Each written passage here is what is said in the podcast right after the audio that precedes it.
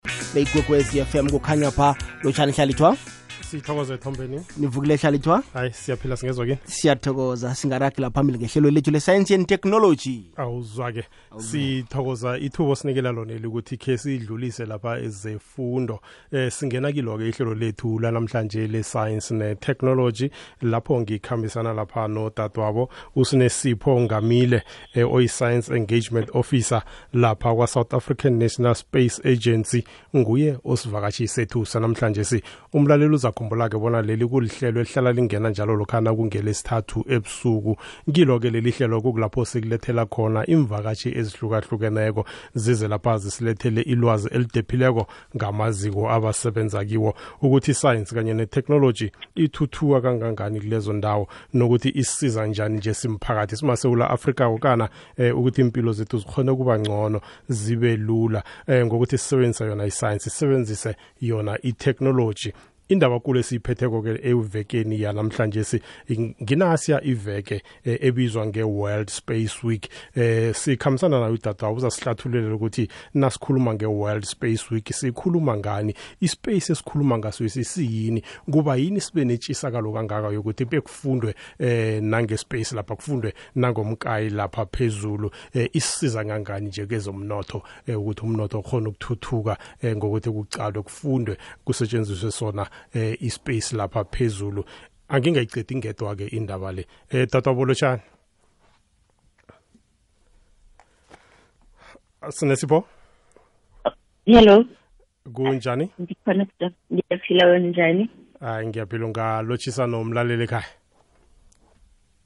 Oh, Molweni, um, Inkosini for having me on the show today.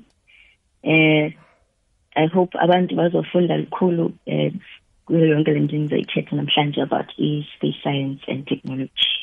Mhm. Asithome lula ke lapha eh kuneveke nasi lapha ebizwa ngeWorld Space Week. Eh ungakhe nje khosi explainele yona, kusihlathululele yona eh mhlambe ke ungakathomi ngayo njengawe nje eh, ubizwa nge science engagement officer eh singathi nje mhlambe umsebenzi ovuka konothi njengeyomsebenzini ekseni eh i-engagement officer yenzani lapha kwa-national kwa-south african national space agency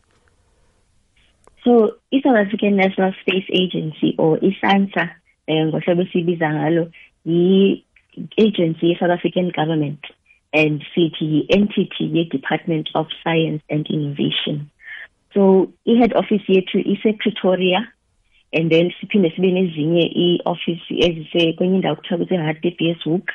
ese-gauteng and then enye i-office ise-hermanus in the western cape so esansa sine-unit ekuthiwa yi-science engagement unit apho senza i-outreach so kwii-outreach programs zethu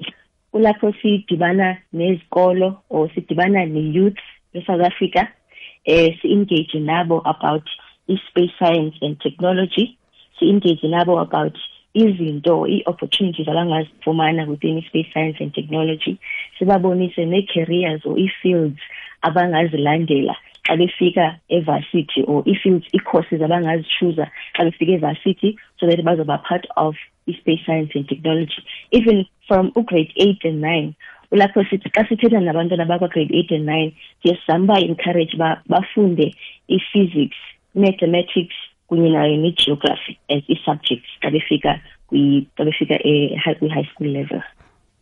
So mm-hmm. as a scientific development officer umsebenzi wami kuzula um since national space agency siya all over i-south africa siya kwizikolo ezi-different si-engaja nezikolo ezi-different nabantwana abaninzi ngonyaka awuzwa ke eh ngendlela utsho ngayo nje uthi nikhambaniya enkolweni eh nasike iveke lapha ebizwa nge-world space week ungakhe nje kho sihlathulule yona mhlambe usinikele ne-background yayo so i-world space week yi-event okanye sithi yi-celebration ye-space science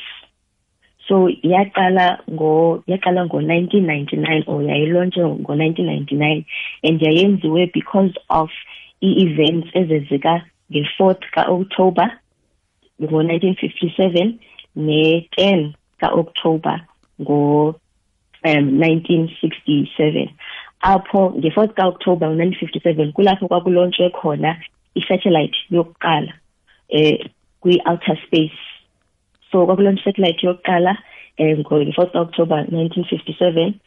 and then nge-10 ka-october 1950, 1967 eh, badicide ubana ii-countries or ii-nations ezininzi mazenze masayine i-contract or i-treaty uba kwi-outer space bakwazi usebenza in peace bangabi ikhona into ababenayo kwakuthiwa yi-cold war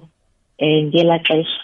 um so ke ngoku babenaso le nto kuthiwa si-space race so nge-ten ka-october nineteen sixty seven badicide uba mabasayine i-contract or i-treaty for uba babe ne-peace then wonke umntu akwazi uba ne-space agency sakhe esizokwazi usebenza with izinto ezikwi-outer space so every year ke ngoku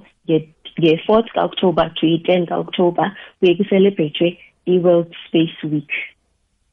and then iqalele apho ke ngoku i-world space week and then babe babe ne-themes every year um, and i-theme yakulo nyaka kuthiwa i-space and sustainability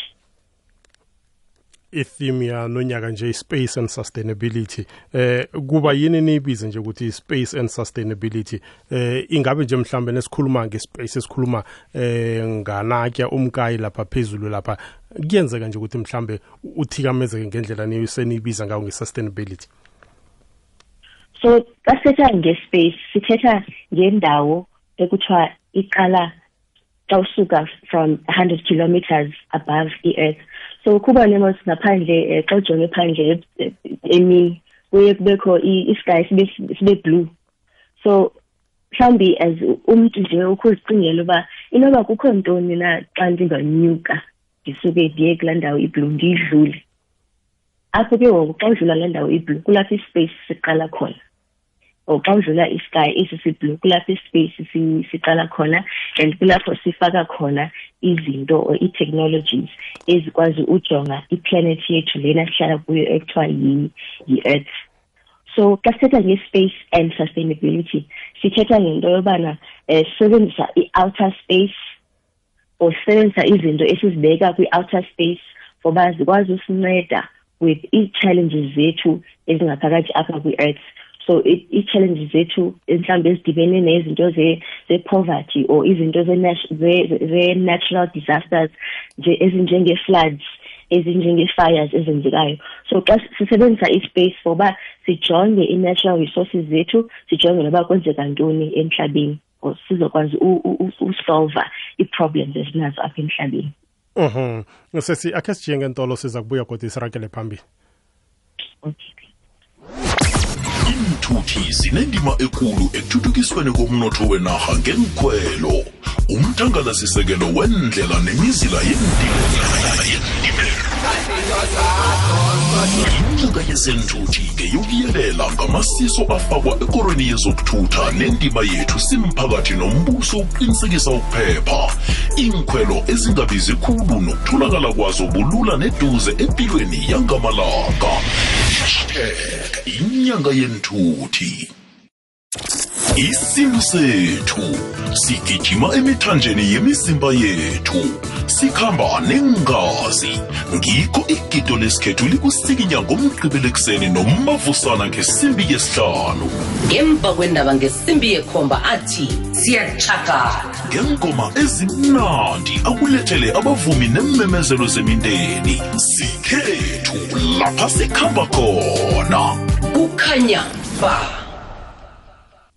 usalalele ihlelo lethu le-science ne-technology lapha kukwekwezi fm lapho ngikhambisana khona nosinesipho ngamile eh, oyi-science engagement officer lapha kwa-south african national space agency nguye osivakatshi sethu salamhlanje si la sikhuluma nganasiya nje i-science yalapha emkayini phezulu i-space science eh khulukhulu kunje sitshetshe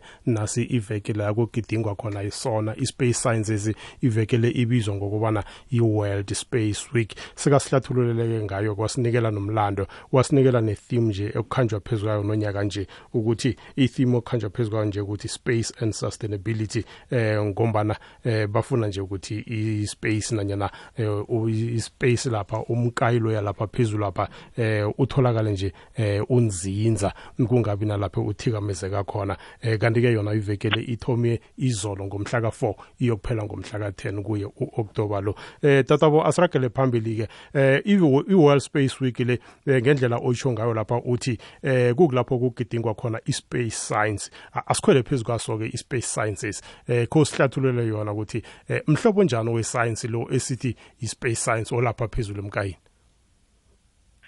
so xa sithetha nge-space science sithetha nge-field eh, enkulu or i-field eh, eninzi nje so abantu abaninzi mhlawumbi bangava yinto kuthiwa yi-astronomy so i-astronomy kuthiwa i-part of i-space science or he, it's one of his fields as part of his space science and xa uthetha nge-astronomy kuthethwa ngala nto yokuba xa kwakufundwa ngee-stars or kufundwe ngelanga kufundwe ngezinye ii-planets ezizikhoyo um eh, ngaphandle kwe-earth kuthethwa ngee-galaxies eh, ezikhoyo kwi-outer space so i-space science involves also i-space science and technology so xa sithetha nge-space science and technology sithetha ngale nto thina sisebenza ngayo e-, esansa so esansa as much as senza i-space science asisebenzi nge-astronomy sisebenza nge-space science and technology because sisa izinto or sisebenzisa ii-technologies um sizifaka kwi-outer space and then eze technologies ziyasinceda uba sikwazi uprovide i-service delivery apha e, emhlabeni so xa xa ndiphinde ndi-explaina um eh, i-space science xa sifika ngee-technologies sifika ngento ekuthiwa zii-satellites so ii-satellites zizinto or zii-object esizifaka kwi-outer space um ziye zibe nee-cameras ziye zibe nezinto okuthiwa ziba nee-sensors zikwazi usensa izinto ezenzekayo apha e, emhlabeni zikwazi usinika i-information eninzi engasinceda ngelanto nge-service delivery um but basically xa sithetha nge-space science sithetha nge-field e, enkulu i-field e, e, edibene ne-astronomy apho kufunda abantu abaninzi bafunda ngelanga abantu abaninzi bafunda ngee-stars abantu abaninzi bafunda ngezii-galaxies and uyoze uva abantu bethetha ngento nge-telescopes apho basebenza i-telescopes uba bafunde bafunde ngezi-stars bajonge ii-stars um into ekuthiwa si-star gazing izinto ezinjalo so xa sithetha nge-space science sithetha ngesayensi edibene nespace or nesayensi edibene nojonga izinto ezenzekayo kwispace or nesayensi edibene nosebenzisa izinto ezikwi-outer space so that sikwazi uprovide i-service delivery kumhlaba wethu wonke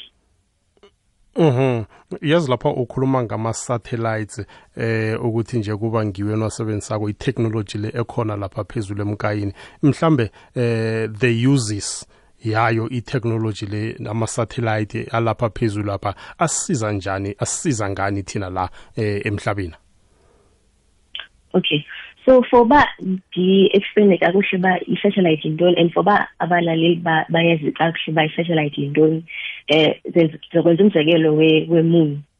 siyayazi nos uba imoon yinto ejikelezayo i-earth so sithi imoon yi-natural satellite so xa sidifayina i-satellite ngesilungu sithi si-smaller object that goes around or orbits around a larger object or a bigger object okanye yi-object encinci ejikeleza enye i-object ezobe inkulu so imoon incinci kune-earth and then yona ijikeleza around i-earth so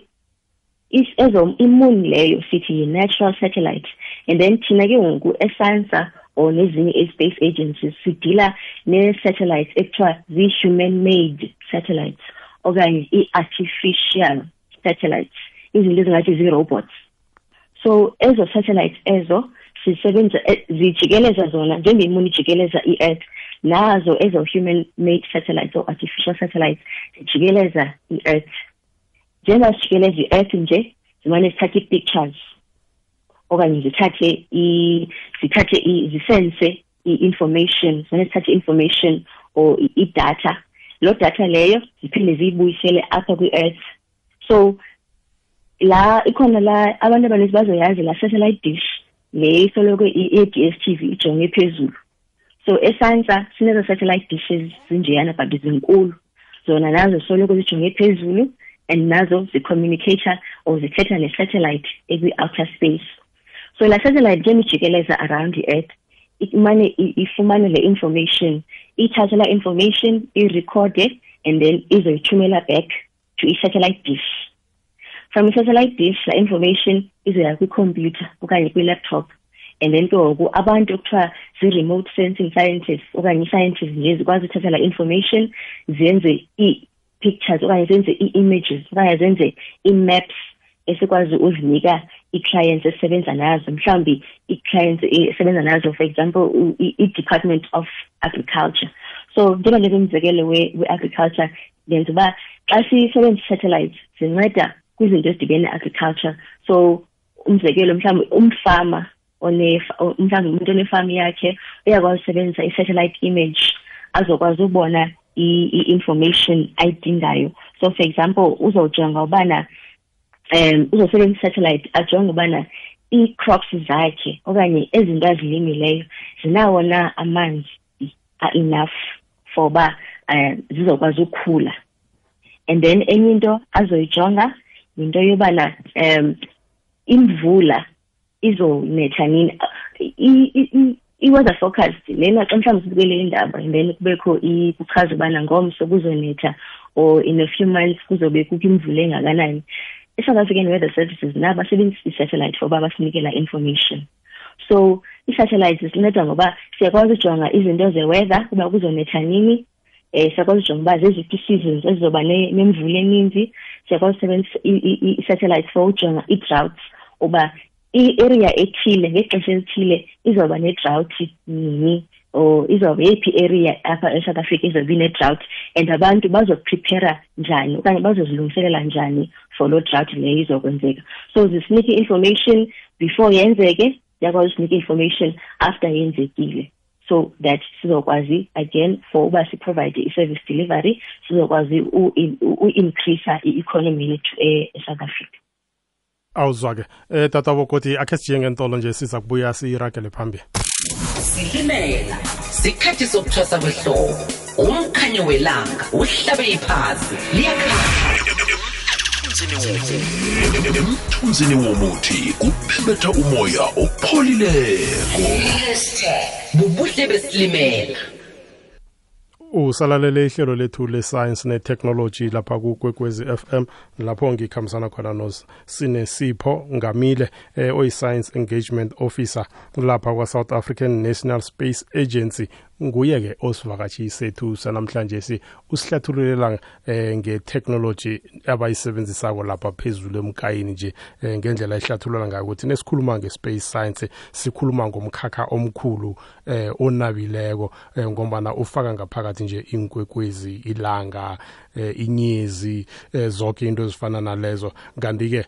sibona ke basebenza ngesayensi etholakala khona lapho phezulu emkayini nanyana eh abayisebenzisako lapho phezulu emkayini eh tata wasiragele phambili ke lapha eh unikele lapha iexample lapha eh yomfama ukuthi eh, usebenzisa eh, information enimnikela yona eh, ekutheni nje eh, akhona ukubona nje ukuthi intshalo zakhe eh zizokuba nawo amanzi nananyana eh ubujamo bezulu obuzabe buzilungele na eh mhlambe nje eminye imikhakha enisebenzisana nayo eh ngaphandle kwama pharmacy nje eh, kuba ngimiphi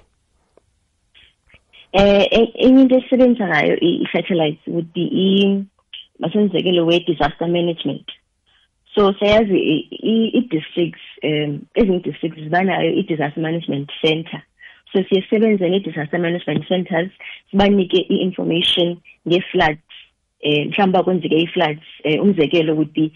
ezaa floods bezenzeke eh, e-k z n besinabantu abebesebenza e, e, abantu abasebenza esansa ii-scientists zethu zaprovida i-information to i-k z n um, officials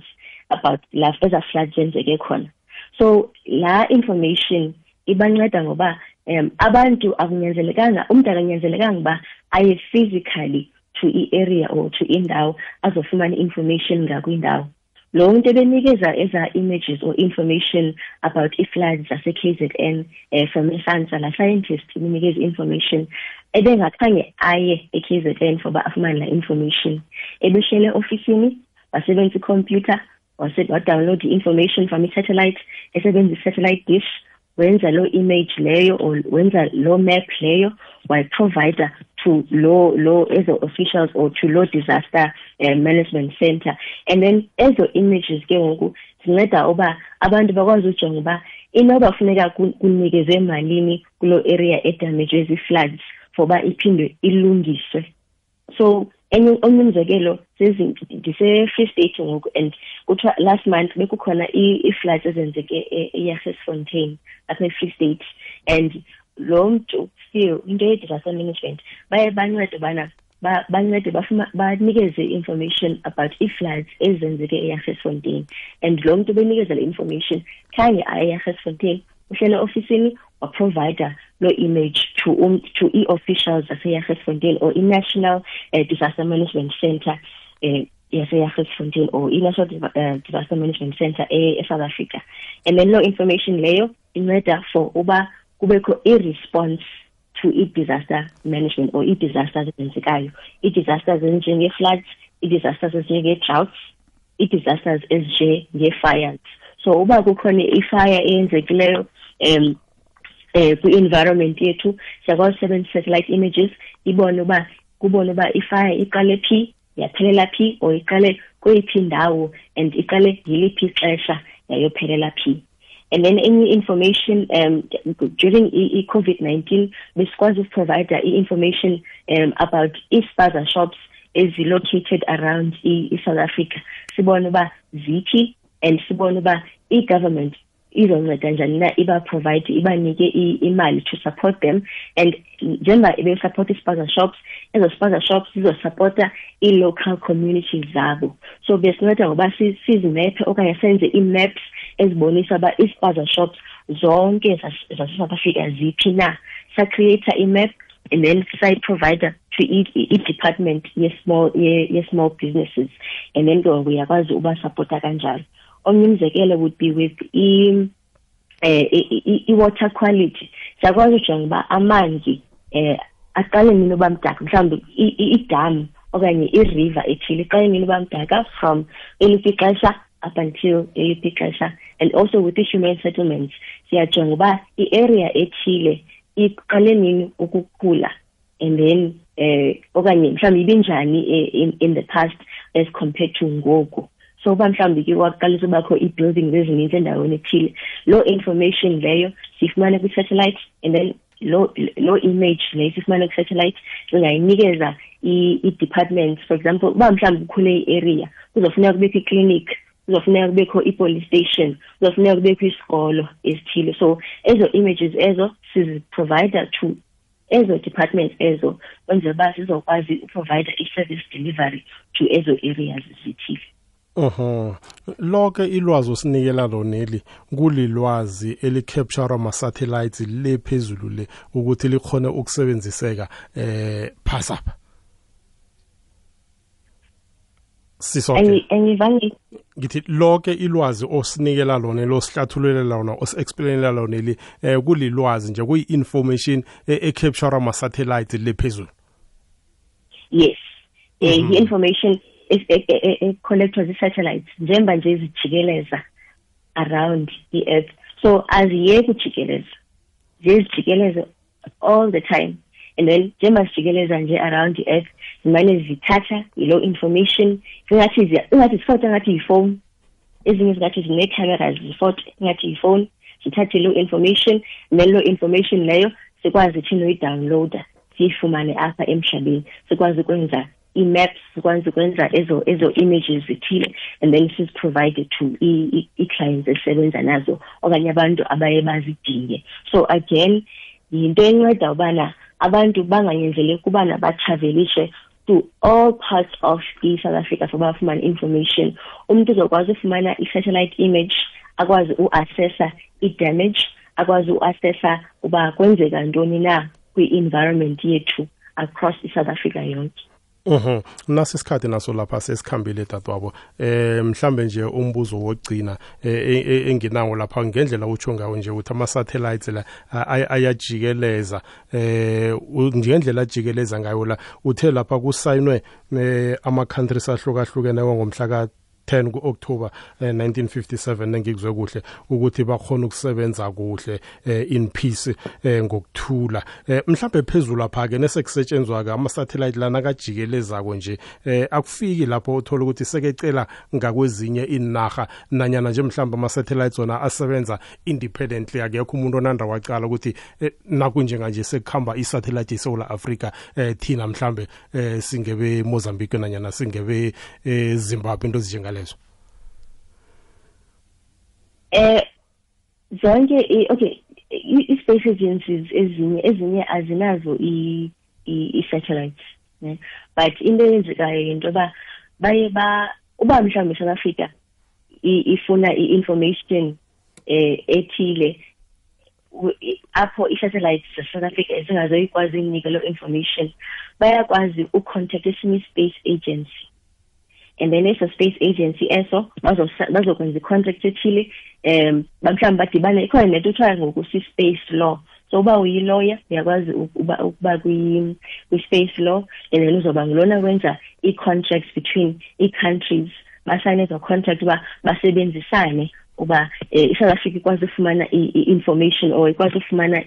idata from isatellite yaseamerica for example so baye basayina loo lo treaty leyo kwenzela uba bakwazi usebenzisana and um isouth africa nayo eh, iye yaba nazo ii-satellite zayo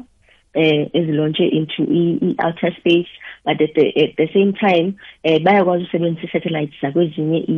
ii-countries so zonke izo satellites ezo ziye zijikeleze around i-earth um zi-controlled i-traffic yazo so aziye zibethane ziye zihambe zonke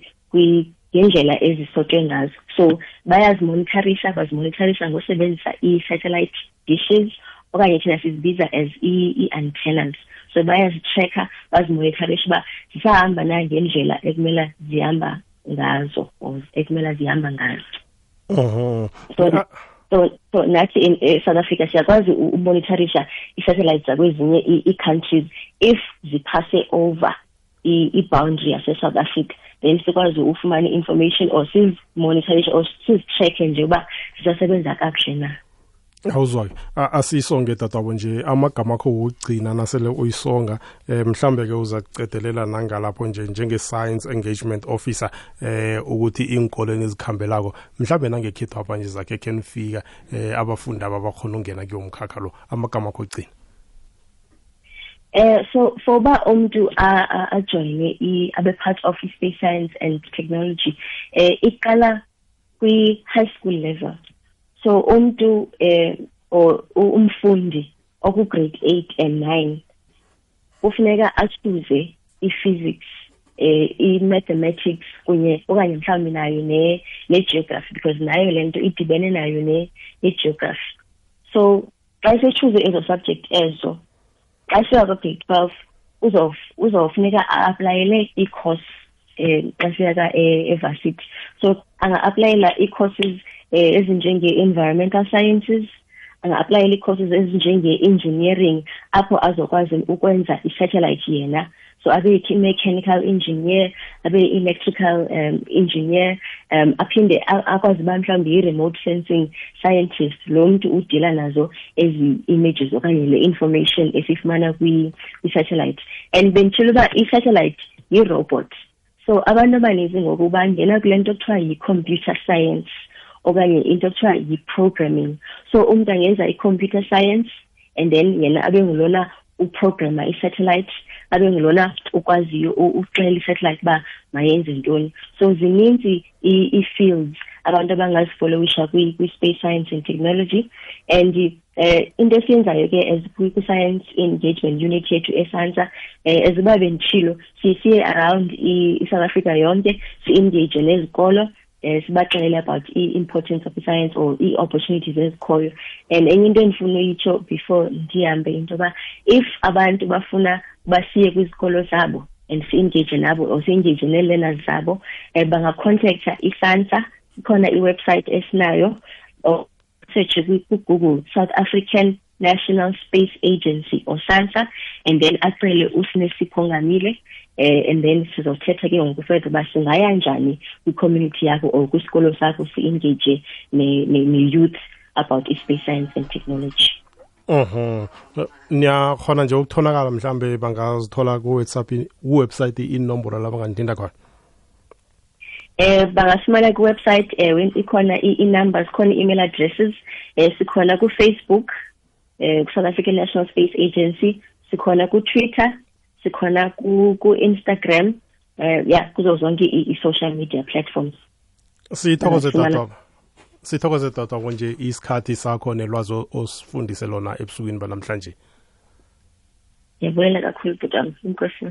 awuzwa loyo kube ungusinesipho eh, ngamile oyi-science engagement officer lapha ka-south african national space agency nguye bekasivakatshi isethusa namhlanje si usifundise litho likhulu namhlanje singe-science ne-technology yemkayini le phezulu ukuthi isebenza njani nokuthi sisiza njani nje eh, simphakathi simasewula afrika nje iphasapha eh, asilibeke lapha-ke ihlelo lethu lanamhlanje le-science ne-technology